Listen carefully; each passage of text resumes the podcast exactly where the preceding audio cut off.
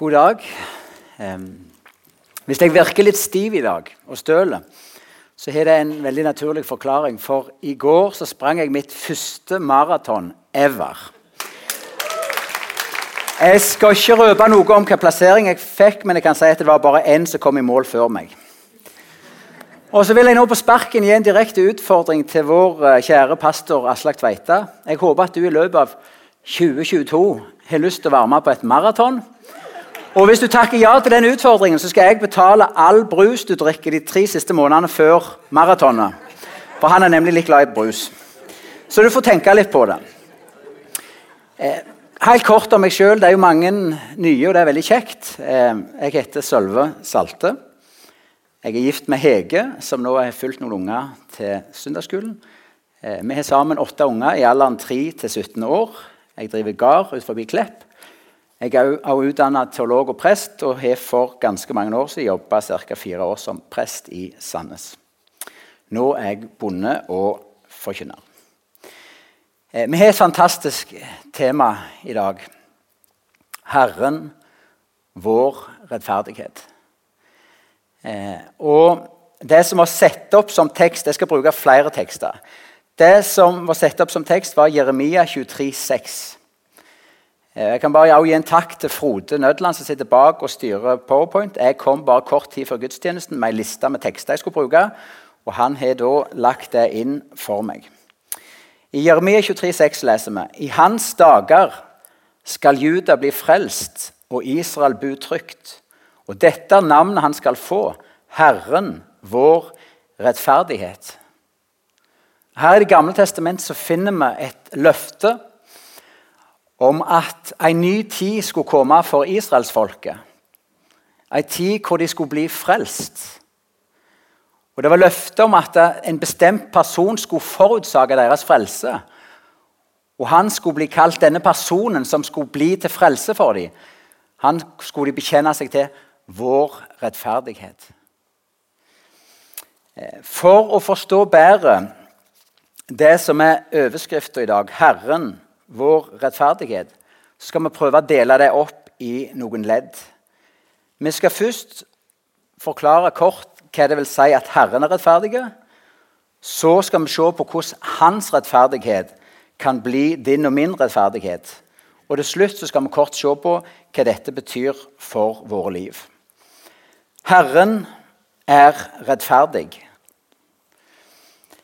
Eh, dette er en grunnsetning i Bibelen. Herren er rettferdig. Og Denne grunnsetningen inneholder to viktige ord som vi må si noe om. Det er Herren, og det er rettferdig. Herren blir i Bibelen brukt som en referanse eller en betegnelse på Gud. Herren, den opphøgde. Han er vår Gud. Han er vår Herre og Gud. I relasjon til Herren er vi og alle mennesker kalt til å underordne oss Hans herredømme. Det ligger i ordet Herre at Han er opphøyd over alt og alle. Bibelen sier igjen og igjen at Gud er hellig. At Herren Gud er hellig, og at Herren Gud er kjærlighet. Dette er to grunnleggende ord og begrep som Bibelen bruker for å forklare hvem Gud etter sitt vesen er. Herren er den hellige, og Herren er kjærlighet. Han er etter sitt vesen hellig i alt han er og gjør. Og han er etter sitt vesen kjærlighet. Og Det vil si at alle hans ord og gjerninger springer ut av den han er i sitt vesen hellig og kjærlig. Grunnbetydningen av ordet 'hellig' er atskilt. Gud er etter sitt hellige vesen skilt fra oss mennesker. Helligheten blir også som et symbol betegnet som en flamme eller en brennende ild. Gud kan ikke ha fellesskap etter sin hellighet med syndere. Og Forenkla kan vi si at Gud etter sitt vesen, som er kjærlighet og hellighet, elsker syndige mennesker. Han elsker oss, men han tåler ikke synd. Og her har vi menneskets grunnproblem etter Bibelen. Vi er skilt ifra Gud av vår synd, vår syndighet. Men vi er elska av Gud som hans skapninger. Og Av disse to helt grunnleggende sannhetene om Gud Han er hellig, og han er kjærlighet. Så følger den tredje Gud er rettferdig. Salme 7 og vers 10 sier Du er en rettferdig Gud. I alt det Gud sier og gjør, så er han rettferdig. Gud gjør aldri noe urett. Han gjør aldri et menneske urett. Men i alt han sier og gjør, så er han rettferdig. For det springer ut av hans vesen. De gjerningene Gud gjør, er definert av den Gud er. Av det rene kommer det bare renhet. Av det som er lys, kommer det bare lys. Av det som er kjærlighet, så er alle hans gjerninger definert av en hellig kjærlighet. Gud er rettferdig i alt han sier og gjør. Han kan ikke gjøre annet enn det som er rettferdig.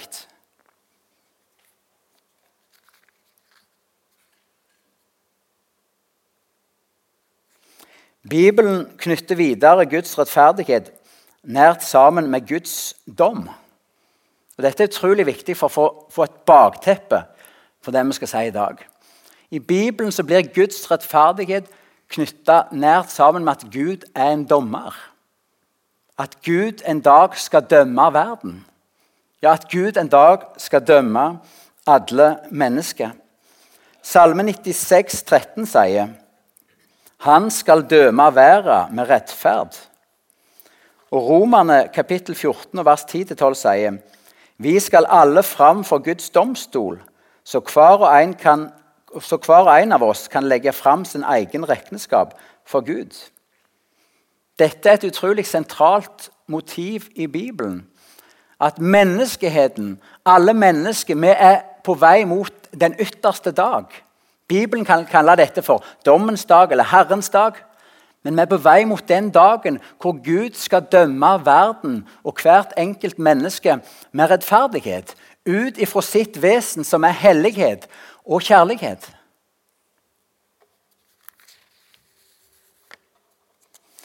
Den dagen blir det individuell behandling. Hver og en av oss må legge fram sin egen regnskap for Gud. Utfallet definerer evigheten. Det er frelse, eller det er fortapelse. Og Dette er som sagt et nødvendig bakteppe for å forstå hvorfor evangeliet er så gode nyheter. Eller for å knytte det til dagens tema hvorfor det er nødvendig at Herren blir din og min rettferdighet. Og Denne sannheten bekjenner vi hver gang vi framsier den apostolske trosbekjennelse under vår gudstjeneste. Jeg tror på Jesus Kristus, Guds enbårne sønn, vår Herre. Så fortsetter det. For opp til himmelen, skal derfra komme attende for å dømme levende og døde. Og at Gud er rettferdig, det er i utgangspunktet ingen trøst, men heller en trussel for alle mennesker. Han vet alt om deg og meg, og en dag vil han summere dette opp og gi en rettferdig dom. Og målestokken, Jeg ble utrolig inspirert når jeg kom inn og så her. Målestokken for dommen det er de ti bud. Guds fullkomne vilje, som krever fullkommenhet i tanker, ord og gjerninger. Du skal ikke ha andre guder enn meg. Du skal ikke lyge. Du skal ikke vitne falskt. Du skal hedre faren og mor di. Du skal ikke begjære din nestes eiendom osv. Og Den dagen, hvis vi skal stå der med vår egen rettferdighet, så vil vi alle stå skyldige foran Gud. Romerne 3, 23 sier for alle har syndet og er uten del i Guds herlighet. Så Dette er bakgrunnen, dette er situasjonen i utgangspunktet. At Gud er rettferdig, og at han en dag vil dømme rettferdig. Og målestokken er gitt deg Guds bud. Kravet er fullkommenhet. Og utfallet for alle er vi blir dømt skyldige. Men heldigvis så fins det et alternativ til å møte Gud som dommer med sin egen rettferdighet. Herren kan være din og min rettferdighet. Alt jeg ikke er, det er Han. Der jeg stadig gjør feil, der er Han fullkommen. Gud ønsker å få være alle menneskers rettferdighet. Han ønsker å frelse alle mennesker ifra fortapelse og dom. Og 1. Timotees 2,4 sier han som vil at alle mennesker skal bli frelste. Så vi har egentlig to valg. Vi kan møte Gud på den ytterste dag med vår rettferdighet i lys av lova. Eller så kan vi stå foran Gud i lys av korset. For å gjøre det mulig for Gud å frelse oss, så sendte han sin enbårne sønn Jesus Kristus. Han levde et fullkomment liv etter Guds hellige lov. Det var ikke synd, det var ikke svik, det var ikke en brist. Det var kun renhet, hellighet, fullkommenhet i hans liv, i tanker, ord og gjerninger. Og han som var uten synd, sier Bibelen, han ble gjort til synd for at du og jeg skulle kunne få Guds rettferdighet. For at vi skulle få en endra stilling overfor Gud. Og Derfor er det Bibelen sier Se der Guds lam, som bærer bort verdens synd. Det skjedde en grunnleggende forandring på Golgata kors. Jesus den fullkomne. Gud la all verdens synd.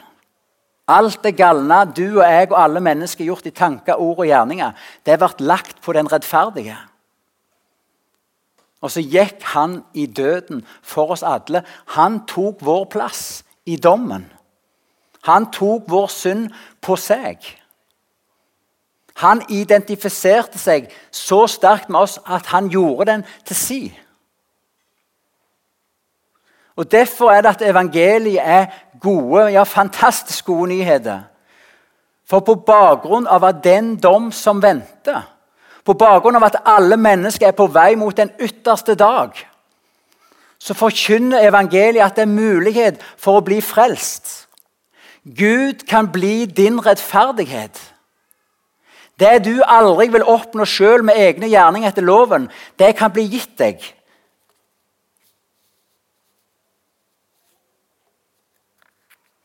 Når Jesus døde, før han døde, så ropte han ut 'det er fullbrakt'. Han hadde fullført frelsesverket for oss. Og når Jesus ånda ut på korset, så vitna naturen med Det var jordskjelv. Fjellene slo sprekker. Det var sånn en kraft i Jesu død. Det er helt rått når du leser Bibelen. Det står at mange hellige som var døde, som hadde sovna inn, de sto legemlig opp. Det er vitne for oss om at kraften i Jesu død var til liv for de som var døde. Og så Forhenget i tempelet det revna i to ifra øverst og ned. Det som stengte veien inn til det aller helligste. Det ble tatt vekk.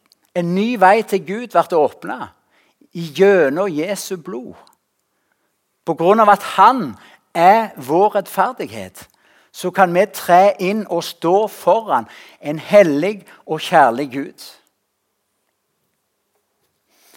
Hvordan kan så du og jeg få del i denne frelse? Hvordan kan Herren bli din rettferdighet? Svaret på det spørsmålet kan vel ikke sies enklere enn det Jesus sjøl sier i Markus evangeliet, kapittel 1 og vers 15. Vend om og tru evangeliet. Vend om og tru på evangeliet. Omvendelse og tru er to nøkkelord som Bibelen gir oss for å svare på spørsmålet hvordan blir et menneske frelst? Hvordan kan Herren bli din rettferdighet? Noen ganger når du leser Nytestamentet, hvis du er oppmerksom på det, så vil du se at noen ganger så står det bare 'tro på Herren Jesus, så skal du bli frelst'. Andre ganger står det 'venn om'. Og det kan til og med stå 'venn om og la deg døpe'. Og Andre ganger igjen så står det 'tru og venn om', eller 'venn om og tru'. Det som er viktig å si er at Gud befaler ikke noen å omvende seg eller bli omvendt, og andre å tro. Der det bare står 'tru', så kan vi også lese omvendelse. For disse to ordene hører sammen. Gud er rettferdig, han gjør ikke forskjell på folk. Veien til frelse for alle mennesker går gjennom omvendelse og tro. Omvendelse har en dobbel betydning i Det nye testament. Det fins to ulike ord på gresk for det, som vi oversetter med omvendelse. Det første er på jærsk-gresk metanøye. Og Det betyr ordrett 'skift sinn'. Og Det er også viktig å si at det som skjer, dette er jo, Vi vil oppleve det som prosesser i oss, der det kommer til tro, der det vender om. Men det er en reaksjon på at evangeliet blir forkynt for oss. Det at evangeliet, budskap om hvem, hvem Gud er og hva han har gjort, det skaper et forandring i mennesket. Og en grunnleggende forandring er omvendelse. Det første om du vil, eller ett trinn i det til å bli omvendt, for det er jo Gud som gjør det, det er det skifta sinn. Det er rett og slett å begynne å tenke nye og andre tanker om Gud og om vår egen synd. Der vi kanskje før tenkte at Gud er bare streng og han er ute etter å dømme meg, så tenker vi noe annerledes etter å ha hørt evangeliet. Vi tenker Gud elsker meg. Han vil tilgi meg. Han gjorde dette for meg. Der vi før kanskje tenkte at uh, det er ikke så farlig med, med synd, for Gud er uansett bare god og snill. Der forstår vi at synd er alvorlig. At synd er under Guds dom. At Gud en dag vil dømme all synd og urett. Vi forstår at det er viktig å få sin sak i orden med Gud nå. Der vi gjerne før tenkte at ja, ja, vi kan jo bare kose oss med disse tingene som vi vet er imot de ti bud. For der tenker vi annerledes når evangeliet treffer oss og skaper en forandring. Vi har ikke lyst til å elske og holde fast på det som nagla Jesus til korset. Det som førte han opp på korset, de og min synd. Det skapes en vilje i oss til forsakelse, til å gi avkall på. Dette er den første grunnbetydningen av omvendelse. Vi begynner å tenke annerledes om Gud, hvem han er, og om oss sjøl, om vår synd og vår stilling overfor Gud. Og Det er en tankeprosess, om du vil, en forvandlingsprosess. Den neste grunnbetydningen av eh, ordet omvendelse, det har vi ifra det greske ordet. Det er igjen jærsgresk. Apostrefo. Og Det er en grunnbetydning av å snu seg vekk. Altså en 180 graders kursendring, om du vil. Om å vende seg bort ifra noe for å vende seg til noe. Og Da er det jo ofte at vi vender oss vekk ifra synd. Vi vender oss vekk fra det livet der vi levde med ryggen til Gud, og så snur vi oss mot Gud. Omvendelse får et menneske til å søke Gud. I plassen for å enten være likegyldig eller gjemme seg for Gud, så ønsker vi å stå ansikt til ansikt med Gud for å følge Han. For å gå den veien Han kaller oss til å gå. Tru Jeg skal si det bare helt kort. Når du leser Det nye testamentet, de plassene der det står at eh, mennesket kom til Jesus, eller de fulgte Jesus, det kan du i mange tilfeller bare bytte det om med tru. Å komme til Jesus er å tro på Jesus. Å tro på Jesus, det er til å ta imot den gave som han og bare han kan gi deg. Og det er det fullkomne verket som han gjorde på korset. Med tomme hender så får vi lov til å ta imot ei fullkommen frelse. Det var for deg. Og igjen, Det er evangeliet som skaper denne troen i deg. Du begynner å tenke nytt om Gud. Han elsker deg. Du får hendene opp av lommen, så Gud, frels meg. Gud, gi meg Jesu rettferdighet. Jeg vil tro på deg. Jeg vil vende om ifra et liv med ryggen til deg. Jeg vil snu meg vekk ifra min synd. Jeg vil bekjenne henne til deg. Det er evangeliet som skaper denne endringen.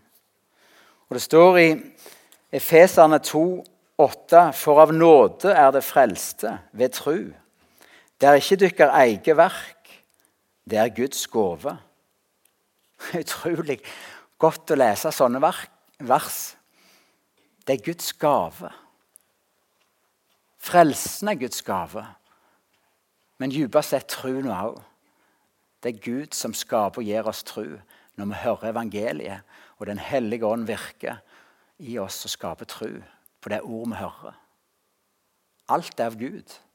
Det er hans verk. Til avslutning Herren er vår rettferdighet i livet og i dommen. Dersom du vender om og tror på Jesus, da er han blitt din rettferdighet. Det vil gjelde i dommen på den ytterste dag. Og Det har vi allerede sett på, men det gjelder også i livet her og nå.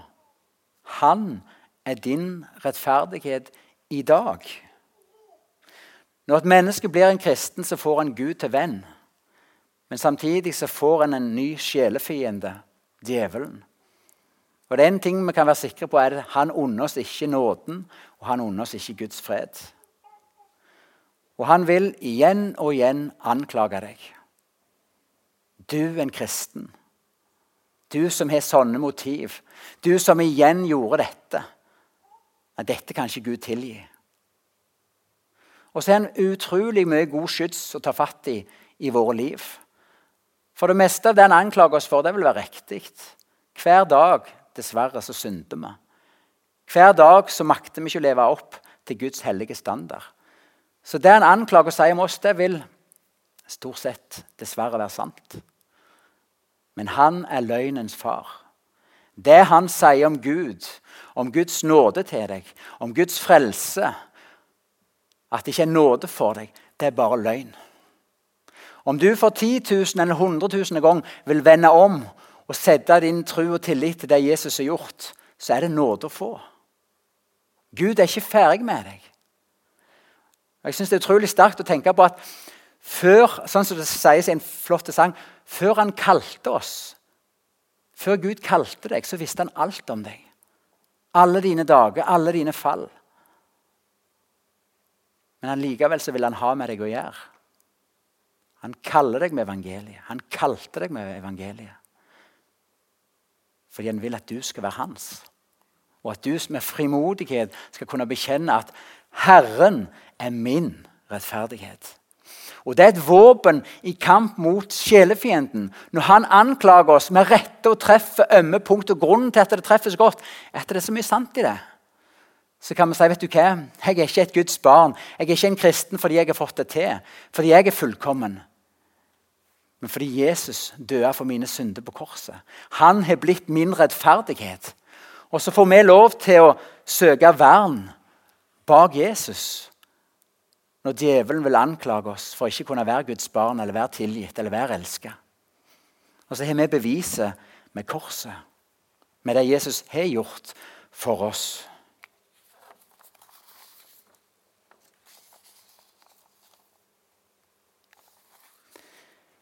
Det er ikke bare sjelefienden som vil ta vekk gleden og freden og frimodigheten som et Guds barn i kristenlivet. Vi har òg noe i oss sjøl som vil rote det til. Der vi begynner å se på oss sjøl, våre egne gjerninger, våre egne motiv, våre egne tanker. Og så begynner vi å anklage oss sjøl. Hvordan kan du etter alle disse årene, etter alle talene du har hørt, etter alt det, hvordan kan du fortsatt være så? Hvordan kan du tenke sånn? Og jeg må bare si at Mange ganger så blir jeg litt oppgitt av meg sjøl. Jeg skulle ønske at det sto bedre til med meg. At jeg, at jeg hadde blitt mer hellig, mer ren i meg sjøl. For jeg vet at Gud skaper forandring i livet. Jeg vet at Gud er mektig til å forandre ting, og, at, og jeg ser at han gjør det. Men av og til er jeg så oppgitt over så mye som er uforandra. Jeg har delt dette med en del av dere før, men en sein kveld når jeg skulle gå ut Jeg het forberedelsesrom og bønnerom på, på løa mi, der jeg forbereder taler og ber. Sitter jeg der for å be over en tale jeg skal ha på søndagsmorgen, så bare merker jeg mens jeg er der for å søke Gud, hvordan tankene mine går i alle retninger. Hvordan jeg kjenner på delte motiv. og Hvordan tenker du sånn? Er du sånn, Sølve, når du sitter for å være med Jesus? Så kjenner jeg bare hvordan jeg, jeg maler meg sjøl nord og dømmer meg sjøl nord og ned. Det var mye rett i det jeg begynte å anklage meg sjøl for. For jeg er delte. Jeg er langt ifra fullkommen. Hver dag synder jeg. Og så Mens jeg sitter der og mest bare Kan jeg i det hele tatt tale på søndag? Så, er det så kommer et bibelvers til tankene mine fra Johannes' åpenbaring, kapittel 5. Der var disippelen Johannes fortvilt. Han var så fortvila at han grein, for han fikk høre at det er ingen som er verdige til å bryte seilet for å se videre inn i Guds frelsesplan. om du vil. Det er ingen som er verdige, verken i himmelen eller jord eller under jord. Ingen var funnet verdige. Og da grein han sårt. Men så blir det forkynt for han, men lammet er verdig. Lammet er verdig. For han har med sitt blod frikjøpt mennesker av alle stammer og nasjoner. Og vet du hva? Der jeg så det deppe over meg sjøl, kunne jeg om jeg ikke løfta hendene, så kunne jeg begynne å takke og tilbe lammet som er verdig. Jeg kunne takke for frelsa, den fullkomne frelsa Jesus. Nettopp for sånne som er delte i hjerte og motiv, som ikke makter å leve opp til Guds fullkomne standard etter lova. Og Sånn vil være en mektig våpen i de vandring med Jesus her på jord. Luft blikket ifra deg sjøl, ifra din mangel og din urenhet. Og så tilbe og gi ære til lammet. For han har blitt din rettferdighet. Han og bare han er fullkommen, og han og bare han kan frelse deg. Og han og bare han, det han har gjort, det er det eneste som heller på den ytterste dagen. Herren din rettferdighet. Jesus, din rettferdighet. La oss reise oss og stå sammen og avslutte i bønn. Skal jeg be ei fri bønn først, og så tar vi og ber Fader vår sammen igjen. Og bare for å si, Det er et privilegium å kunne kalle Gud far. Og det kan vi alene på grunn av at Jesus har blitt vår rettferdighet. Ja, kjære Far i himmelen, jeg takker deg for de ord og de bibelvers vi nå sammen har sett på. Og Jeg ber Helligånd om at du må skape og fortsette å skape forandring i våre tanker, i vårt sinn, ved evangeliet. La det skape et nytt syn, et ny holdning en ny innstilling både til hvem Gud er, hvem Han vil være i våre liv, og hvordan vi også ser på våre liv og vår synd. Hjelp oss til å ha frimodighet i det Jesus har gjort. Hjelp oss til å ha fred i det Jesus har gjort. Og Jeg ønsker bare Jesus å bekjenne at du er min rettferdighet. Du er den jeg stiller meg bak. Når det stormer også her i livet, og anklagene fyker både for sjelefienden og for mitt eget, så Herre, du er den jeg søker tilflukt hos. Du og bare du. La oss nå sammen be Herrens bønn. Vår Far i himmelen. Lat navnet ditt helgast, lat riket ditt komme. Lat viljen din råde på jorda, slik som i himmelen. Gjev oss i dag vårt daglige brød, og tilgi oss vår skyld, slik vi òg tilgir våre skyldnere. Og lat oss ikke komme i freisting, men frels oss fra det vonde. For riket er ditt, og makt og ære i all eve. Amen.